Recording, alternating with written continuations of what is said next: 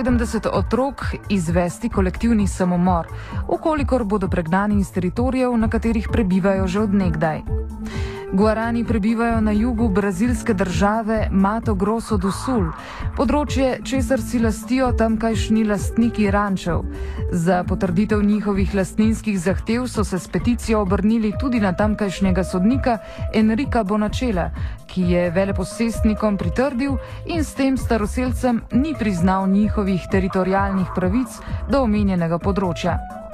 Da bi se znebili staroseljcev, uporabljajo rančeri tudi bolj nasilne prijeme. Staroseljce poskušajo izgnati tudi z najemanjem tako imenovanih pistolerosov, ki so za primerno plačilo pripravljeni uporabiti vsa sredstva. Skahal, kajri, la manjara, kva, kajri, la manjara, din, din, keva, muskavti, lindan, Kljub gonji proti Guaranom v Braziliji država vsaj načeloma priznava teritorijalne pravice staroselskih prebivalcev. Temu pa v Indoneziji, kjer prebiva kar nekaj staroselskih plemen, ni tako. Da bi indonezijska vlada staroselcem vendarle priznala določene pravice, so Združeni narodi na tamkajšnjo vlado naslovili priporočilo k priznanju staroselskih ljudstev na svojem ozemlju.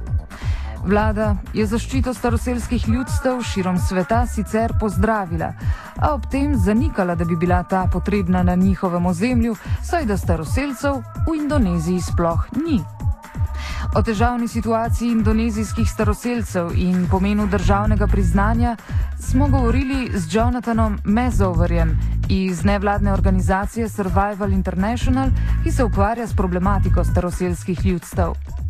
Well, what the UN is recommending is just basic common sense, really. Uh, obviously, there are indigenous people in Indonesia or tribal people. That's to say, there are people who are the descendants of the very earliest populations of that country uh, who depend on their land for their livelihood and who are discriminated against or persecuted by the Indonesian government.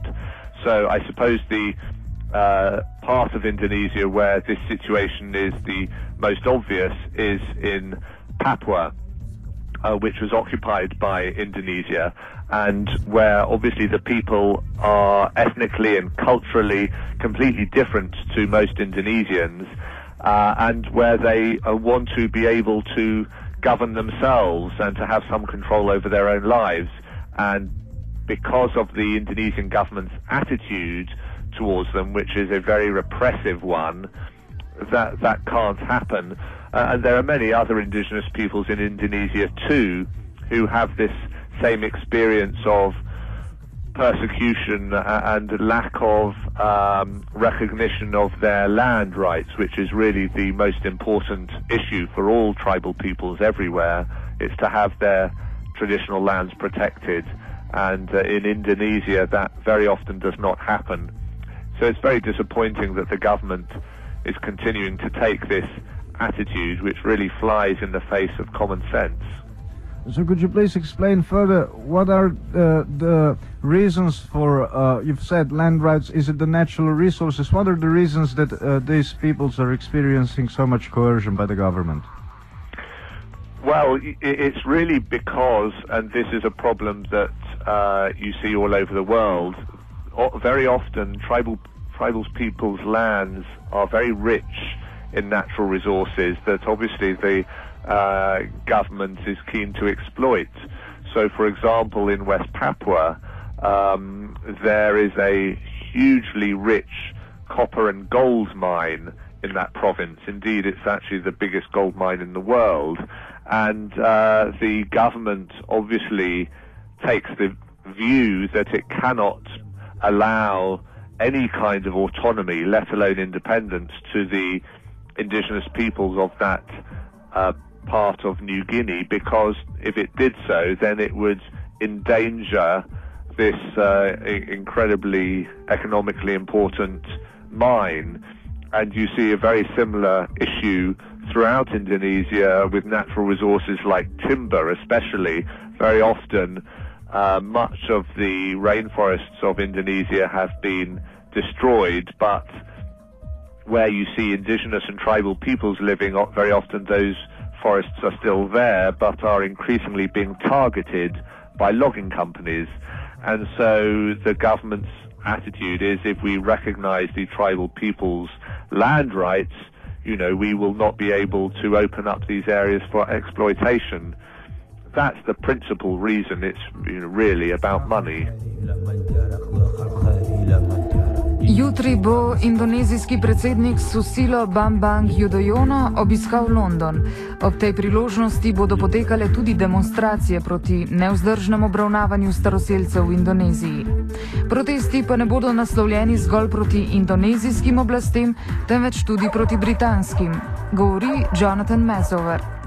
That's right, because the British government is a supporter of the Indonesian government and what we are wanting to draw attention to is that, in fact, the British government uh, is uh, spending quite a lot of money training Indonesia's counter-terrorism police, uh, and the Indonesian counter-terrorist police department has been involved in some very disturbing and serious human rights violations against tribal people in West Papua.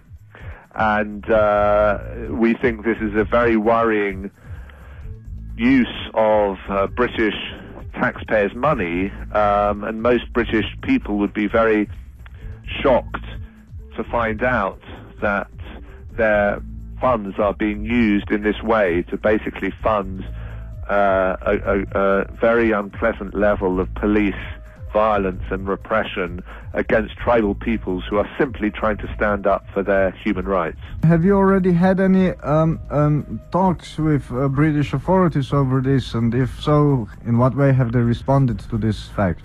Well, we, we have corresponded, and all that the British government has said is that uh, our, our, the UK government's, that is, funding of this counter-terrorism unit uh, is just directed at uh, you know stopping uh, the spread of um, Islamic fundamentalist terrorism in Indonesia. Uh, obviously, after the Bali bombing, this w- uh, became very high profile, and uh, it has nothing to do with what the Indonesian police are doing in Papua. Well, we don't think that's good enough because they cannot simply wash their hands of any responsibility for what this police unit is doing because we know that they are active in Papua. So the British government has basically denied any knowledge of what is going on there. Po offsajdu pravic staroseljcev sta se gibala Gregor in Jankovič.